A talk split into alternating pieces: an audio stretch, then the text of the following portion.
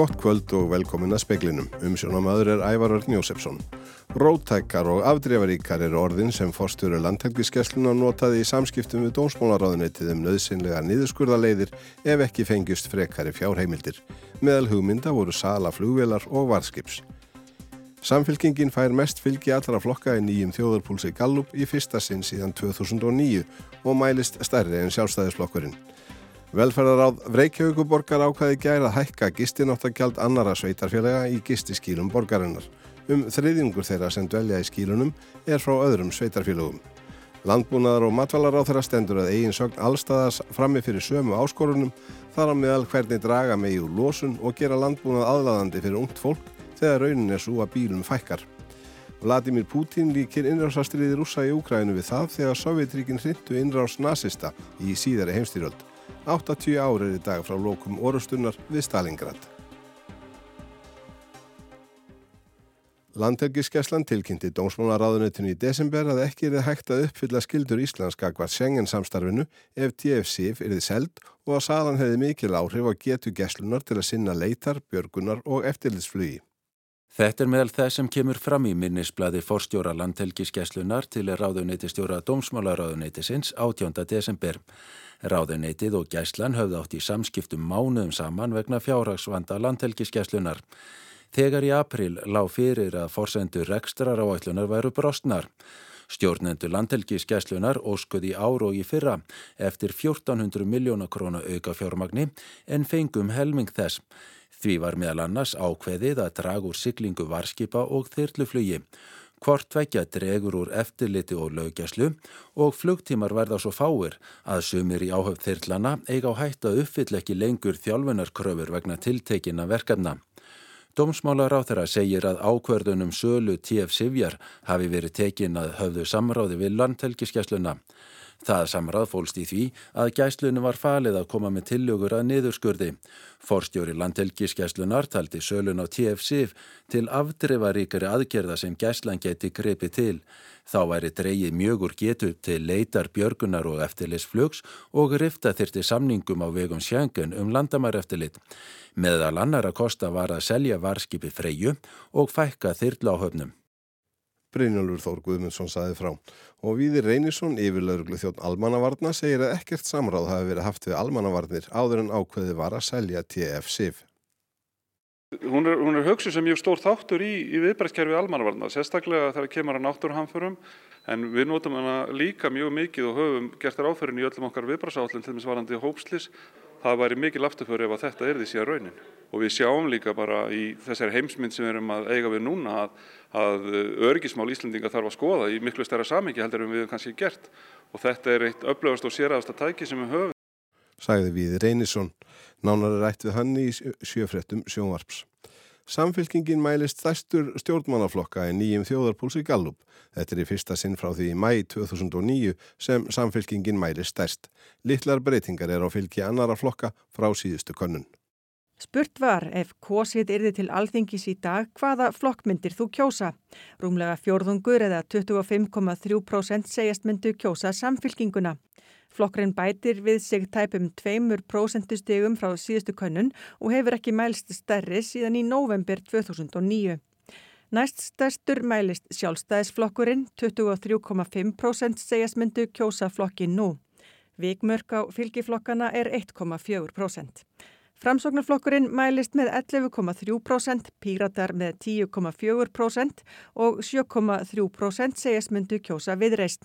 Vinstri græn mælast með 6,8%, miðflokkurinn og flokkur fólksins 5,5% hvor og sósilistaflokkurinn 4,4%. Samtals fengju stjórnarflokkarnir þá um 42% atkvæða en fengu í síðustu kostningum 54%. Þá var spurt um stuðning við ríkistjórnina. Rösklega 46% þeirra sem taka af stöðu segjast stiðja stjórnina. Nánar er sagt frá könuninni og framkant hennar á vefnum rúf.is. Alma Ómarsdóttir sagði frá. Um þriðjungur þeirra sem dvelur í gistiskilum Reykjavík og borgar fyrir heimilislausa kemur frá öðrum sveitarfélagum. Borgin kallar eftir auknu samstarfi í þjónustu við heimilislaust fólk. Velferðarráð Reykjavíkur borgar á hvað í gærað hækka gistináttagjald annara sveitarfélaga fyrir gistingu í neyðarskílum borgarinnar upp í 46.000 krónur á nóttu. Það er um helmingshækkun frá því sem áður var. Heiðabjörg Hilmistóttir, formaður velferðarráðs, segir að reynd hafi verið að finna sangjarna upphæð. En svo þurfum við reiknum raunkostnaðin við að reyka svona rými þá er þetta í rauninni bara þessi raunkostnaður við gistiskilin og hverja nótt. Þannig að við ákveðum að það væri þá sangjast að hvert og eitt sveitufélag borgaði þá það og við varum ekki að niðugriða fyrir íbúa annar sveitufélaga. Um 40-50 pláss eru í gistiskílum borgarinnar. Heiðabjörg segir mörg sveitarfélag vinna með borginni og greiða gistináttagjaldið en önnur gerir það ekki. Hún óskar eftir meira samstarfi við ríki og sveitarfélög í málafloknum. Það er í rauninu bara Reykjavíkuborg sem er enn sem komið er með einhverja stefnu í málafloknum hvernig við ætlum að þjónusta fólk sem er komið í þetta öngstræti með lífsitt. En samt er þetta hundruði manna á Íslandi og við köllum svolítið eftir því að það komi fleiri aðeins með okkur. Sæði heiða Björg Helmisdóttir. Róbert Jóhansson tók pistirinn saman.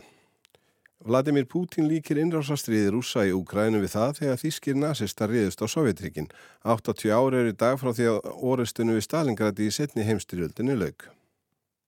Putin helt ræðu í dag af þessu tilipni í Volgograd borg sem áður hétt Stalingrad.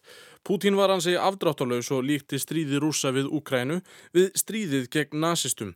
Putin leta því leikja í dag að Rúsland ser ætti meira í vopnabúri sinu en hefðbundna skriðdrega.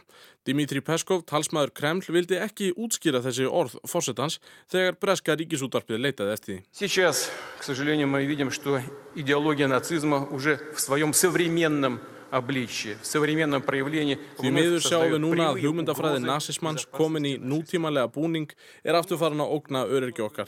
Við erum aftur og aftur tilneitt til þess að berja á bakaftur árásir Vesturlanda. Ótrúlegt, ótrúlegt, en satt enguða síður okkur stafar aftur ógnaf þýskum leopard skriðtryggum. Á aðra miljón hermanna og óbreyttra borgara letust í orustunni um Stalingrad sem var svo mannskeiðasta í síðari heimstyröldinni og eins og mannskeiðasta í allri mannkinsögunni. Otur Þórðarsson saði frá. Veðurfar ársins 2022 var mjög breytilegt. Ílviðra samt var fram í miðan mars en voru var hlýtt og tíð almennt góð. November var óvinnu hlýr en desember var aftur á mótið sérlega kaldur.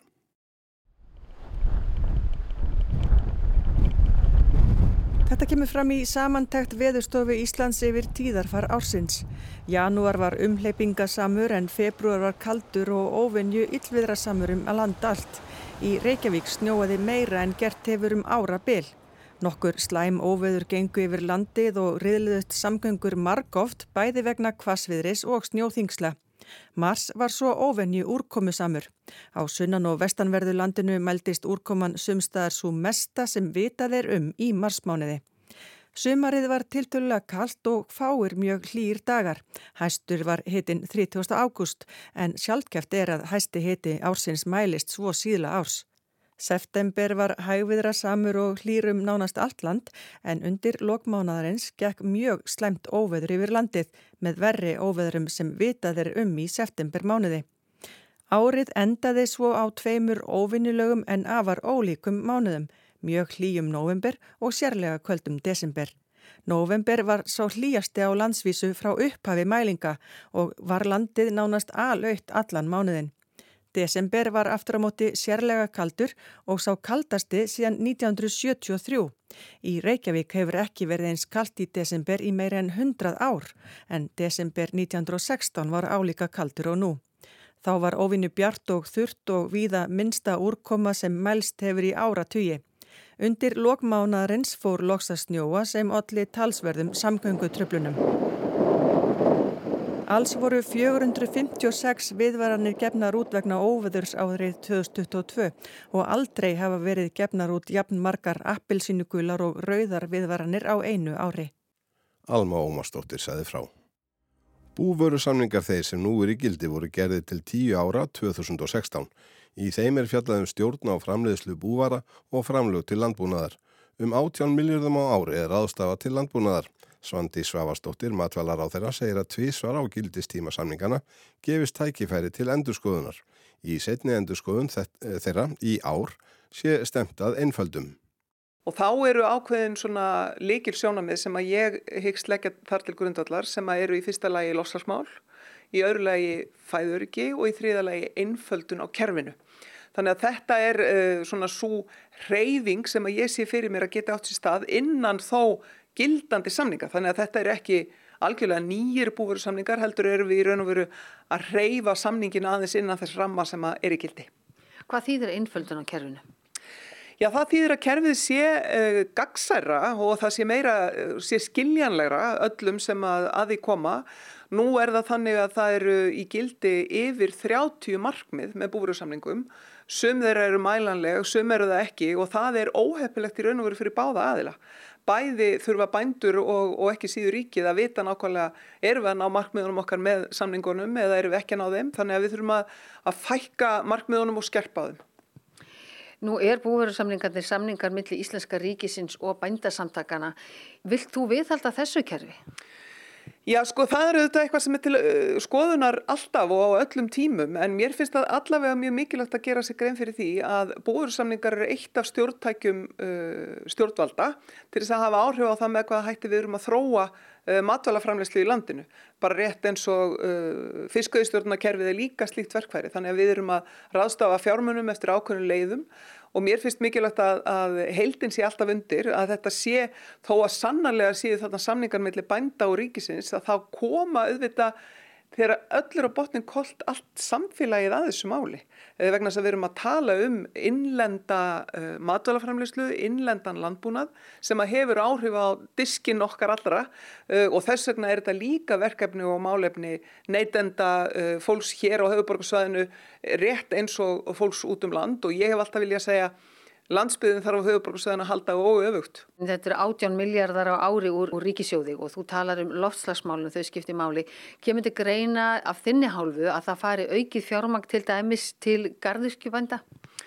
Já sko það er lögð áherslu að það í stjórnarsáttmála að við ætlum að ebla gardirkjuna og skoða sérstaklega þá innviði sem við höfum til þess að, að styðja við hana. Þannig að það er auðvitað eitt af því sem við erum alltaf með til skoðunar, við erum líka með til skoðunar að auka innlenda kortrækt, það skiptir mjög miklu máli.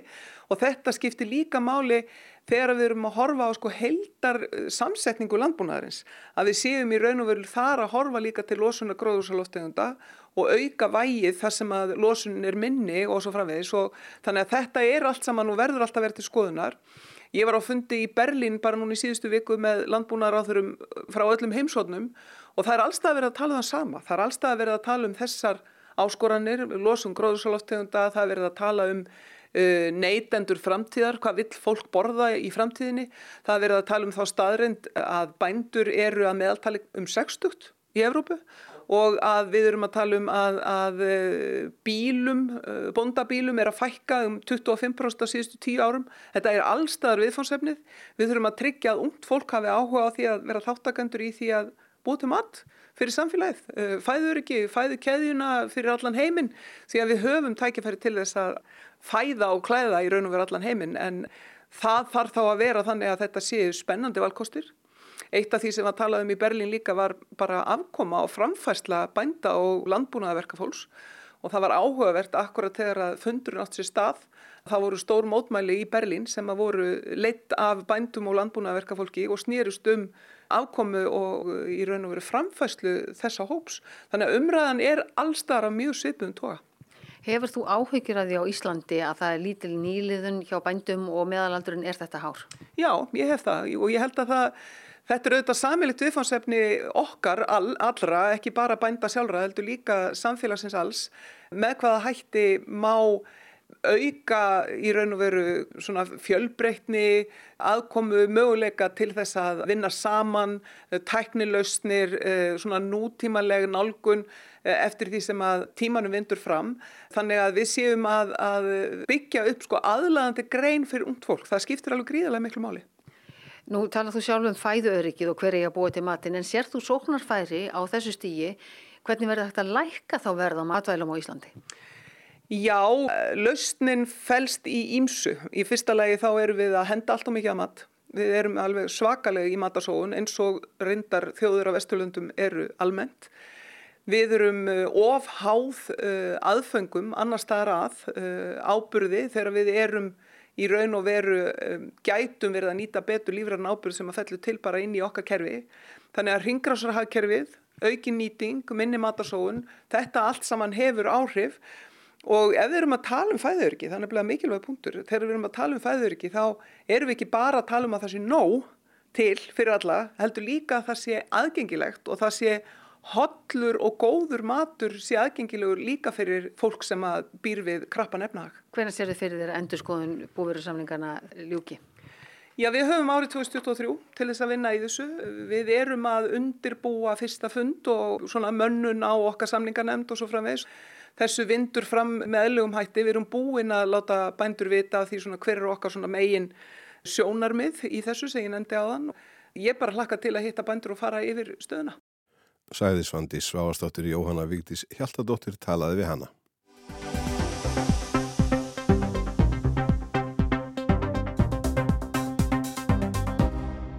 Ráðstefna Arctic Frontiers hefur staðið yfir hér í Tromsö alla vikuna. Yfir 900 manns sóttu þessa ráðstefnu, en þar koma saman stjórnmálamenn, vísindamenn, fulltrúar staðbundina samfélaga, þar á meðal frumbyggja, og leðtogar fyrirtækja og hagsmuna aðila af norðurslóðum til skrafs og ráðagerða og jafnvel til að taka ákvarðanir. Eins og með margt annað hefur þessi ráðstefna ekki farið fram í þrjú ár vegna heimsfaraldursins. Stæsti fundur ráðstefnunar að öðrum ólustöðum var fundur um framtíð norðurslóða í breyttri heimsmynd. Anniken Hvítfeld, utarrikiðsáþur á Noregs, byrjaði ræðu sína þar á að rósa náttúrunni og tengslum við hanna sem var síndi í bíómyndinni Svar við brefi Helgu. Hún var sínd á kveimindaháttíðinni í Tromsö fyrir hálfu mánuði. En þá varð Hvítfeld smá fótaskortur á tungunni. I don't want to spoil too much of the plot, but sometimes this attachment can be so strong that we choose passion for NATO, for, for nature. Þarna ætlaði Hvítfeld að tala um megin áherslu á náttúruna sem henni fannst áberandi í myndinni en skipti náttúrunni óvart út fyrir NATO við nokkra kátínu viðstatra. Hún afsakaði sér reyndar með því að NATO hafi verið mikið í umræðinni það sem af var þessum degi. Þetta mismæli verður að teljast nokkuð tákgrænt fyrir þær breytingar sem orðið hafa á norðurslóðasamstarfinu undan farið ár og breytar áherslur í því samstarfi sem voru nokkuð áberandi á ráðstefnunni. Í gegnum tíðina hefur megin þungin í norðurslóðasamstarfinu snúist um lofslagsmál en það er hlínun jarðar alltaf fjórum sinnum meiri þar en annar staðar í heiminum. Því fylgir bráðnun jökla hækkun yfir borð sjáar. Þetta er umræða sem flestir þekkja og verður ekki rakin meira hér. Svo umræða var vissulega til staðar á rástefnunni, en hún hefur fallið í skuggan af afleiðingum stríðsins í Úkrænu fyrir norðurslóðasamstarfið. Og þar hefur engum verið hort á norðurskautsráðið, sem er með höfustöðvar hér í Trómsö. Til útskýringar er Norðurskautsráðið vettvangur stjórnvalda í átta Norðurslóðalöndum til að ræða sameinleg hagsmunamál. Löndin eru Bandaríkin, Kanada, Danmörk fyrir höndu Grænlands, Ísland, Noregur, Svíþjóð, Finnland og Rúsland. 13 önnur ríki hafa áheirn í ráðinu. Þarna eru líka rætt hagsmunamál frumbyggja, meðal annars innúíta og sama. Ráðið hefur meðal annars staðið fyrir mikilvægum rannsóknum tengdum norðurslóðum. Rúsland hefur verið afar mikilvægur hluti af þessu samstarfi, en það nær þeirra landsvæði yfir stóran hluta norðurslóða. Og til að gera stöðuna enn erfiðari gegna þeir nú formensku í ráðinu og gerðu það þegar innrásinn hófst. Þeir ákvaða þá sjálfur að draga sig úr samstarfinu og skömmu síðar tilkynntu önnu ríki að þeir myndu ekki sækja fundi ráðsins undir fórustu rúsa. Norðmenn taka við formensku í ráðinu í mæ. Anniken Hvítfeld var í ræðu sinni afdráttarlaus með að samstarfið rúsa kemi ekki til greina. Þórtís Kolbrún Reykjörð Gilvadóttir auðaríkisáð þeirra tók undir það og saði að það hafi verið óhugsandi að innrás rúsa hefði ekki haft áhrif á norðurslóðasamstarfið. So it was unthinkable to uh, that Russia's brutal invasion and the suffering it has caused would not affect the Arctic cooperation in any way. That was unthinkable. Because how were we to continue with business as usual? Hvernig gátum við haldið áfram eins og venjulega þegar rússar fara fram með þeim hætti að þeir beri enga virðingu fyrir mannslífum og að þeim sé ekki treystandi, saði Þórtís Kolbrún og bergmálaði þar með skoðanir hinna auðaríkisáþarana tvekja og reyndar sameinlega afstöðu hinna landana í Norðursköldsráðinu. En það var ekki aðeins verið að ræða þessi prinsip, heldur líka fyrirhugaða NATO-aðild svíja og finna, svo að því leiti er fótaskortur á tungu hins norska auðaríkisáþara skiljanlegur. Auðaríkisáþara svíþjóðar, Tobias Bílström, lítur nefnilega svo á að aðildin sé ekki aðeins öryggismál fyrir þessi tvö lönd, heldur norðurslóðir í heilsinni. And even though these tensions, they do not stem from the Arctic itself, um, there's an increased risk, as we see it, for an arms race in the Arctic that we have to take into account. And there are risks... Spennan sem nú er til staðar kemur ekki frá norðurslóðum, en hún hefur orðið til þess að líkur á einhvers konar hernaðaráttökum á norðurslóðum hafi aukist. Þess vegna, segir Bílström, er aðild Svíþjóðar og Finnlands að NATO mikilvæg á þessum tímapunkti. Þegar og ef af aðildinni verður, því Tyrkir hafa jú ekki samþygt aðild Svíja enn, eru öll norðurslóðaríkin nema Rúsland komin í bandalæðið og það er matmanna að það ebli samstarf þeirra til muna. En hvað sem þessu líður er staðan svo að starf norðursköldsráðsins er í algjöru óvissu. Samstarfi við rúsa hefur þar skipt miklu og nú er það í uppnámi. Auðaríkisáþra Noregs vildi engu svara um hvernig hún sægi starfið fyrir sér án aðkomi rúsa þegar Noregur tekur við fórustu í ráðinu. Það er kannski ekkit skrítið því það veit það raun og veru engin. Nokkrir rástefnugestir veltu því jafnvel fyrir sér hvort ráðið væri dögt. David Balton, yfir maður Norðurslóðaskrifstofu Kvítahúsins, segir það vera ofmatt, ráðið enn starfandi. Hann bendir á að sumgögn sem áður hafi komið frá rúsum sé hægt að fá með öðrum hætti, til dæmis með gerfinhöttum. Hins vegar verði ekki horfið fram hjá því að staðan sé alvarleg og hann segir að lokum við vitum ekki hvað framtíðin ber í skauti sér en það veldur að miklu leiti á rúsum. But uh, there's no getting around the problem that we have a very serious situation on our hands and we don't really know what the future of it will look like. A lot of it frankly depends on Russia. Sæði David Balton Hallgrimur Indriðarsson tók saman.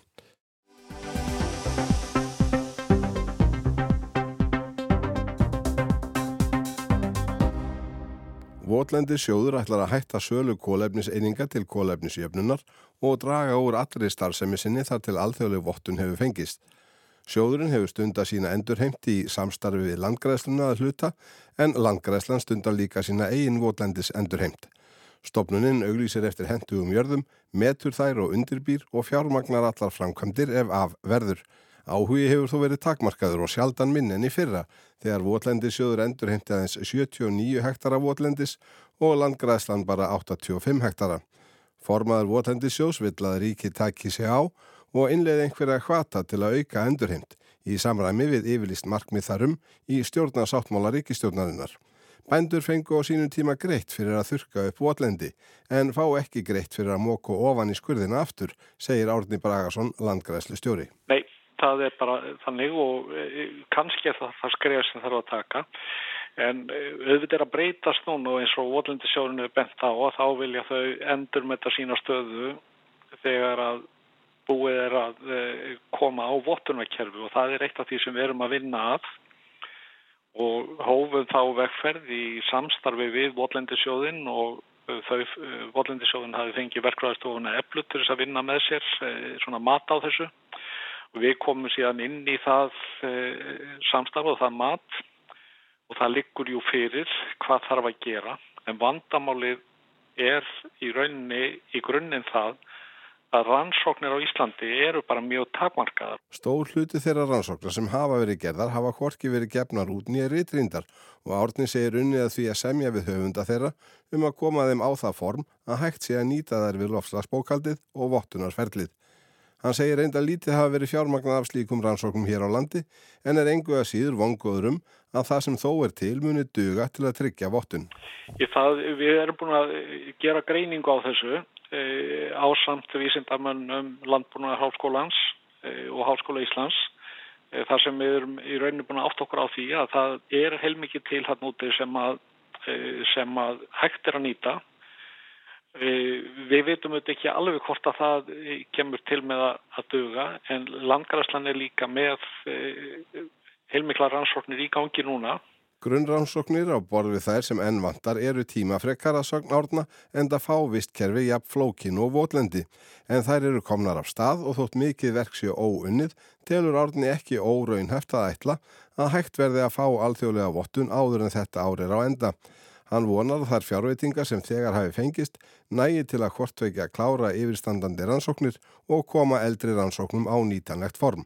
Og það er það sem verður áherslu punktur hjá okkur að reyna að koma því í útgáfu á næstu mánuðum.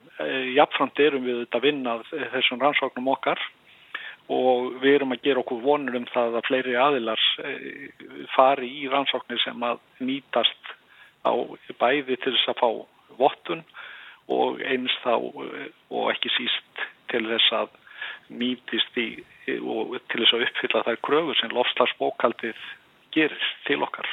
Alþjóðleg vottun sem uppfyllir ströngustu kröfur breytir öllu og er forsenda þess að hægt sé að selja hinnar svo kalluðu kólefnis einingar á alþjóðlugu markaði, segir Árni.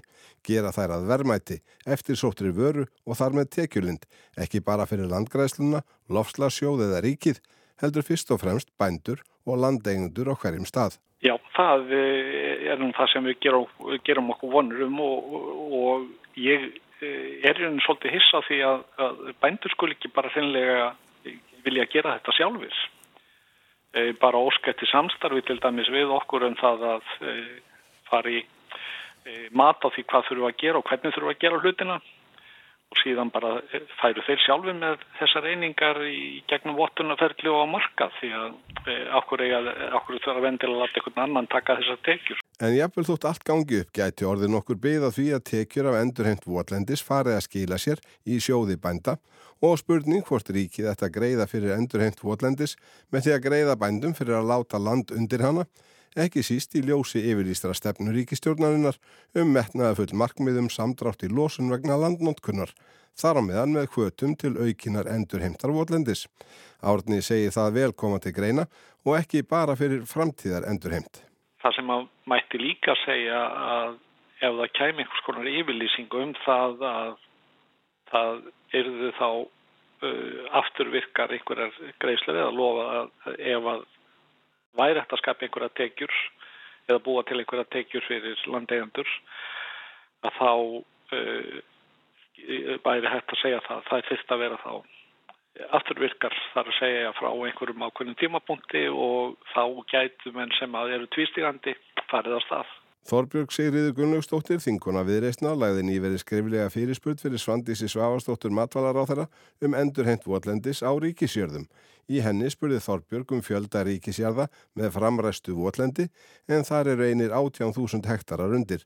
Í svarir á þeirra kemur fram að einungis 80 hektarar hafi verið endurhentir á 5 ríkisjörðum, þrátt fyrir áðurnemnd markmið stjórna sáttmálans væri ekki ráð að hefja þar endurheimt votlendis af feiknar krafti, hvað sem allir vottun líður. Jú, það enda eru við með mjög margar jarðir, slíkar jarðir, ríkisjarðir í, í, í skoðun og það er vilji hjá uh, ríkisegnum og fjármáraræðinetinu að beina þessu einmitt í endurheimt og það eru viðræður í gangi núna milli ráðuneta einmitt um þetta.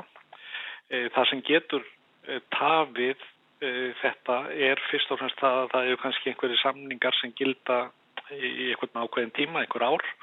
Það þarf þá að segja slíkum samningum upp og slíkt en það er fullur vilji og ég hef ekki orðið varfið neitt annað heldur en það sé fullur vilji bæði hjá ríkisegnum og fjármánuraðnetinu að vinna með okkur í þessu. Þannig ég gerir mig vonur um það að, að þarna verði stíðin stórskref á bara já, allra næsta árum sagði Árni Bragarsson. Og þá að veðri spáður austan og suðaustan 15 til 23 metrum á sekundu og slittuð að snjókomi á norðanverðarlandinu en sunnan til snýstan í suðvestan 13 til 20 með skúrum eða jæljum. Minkandi vindur og úrkoma í kvöld og nótt en suðaustan og sunnan 15 til 25 eftir háti á morgun með rigningu og hitta frá 3 að 9 stígum. Fleira er ekki í speklinum, tæknimaður var Magnús Þorstein Magnússon, frétta útsendingu stjórnaði Ingi Björg Sara Guðmundsdóttir, veriði sæl.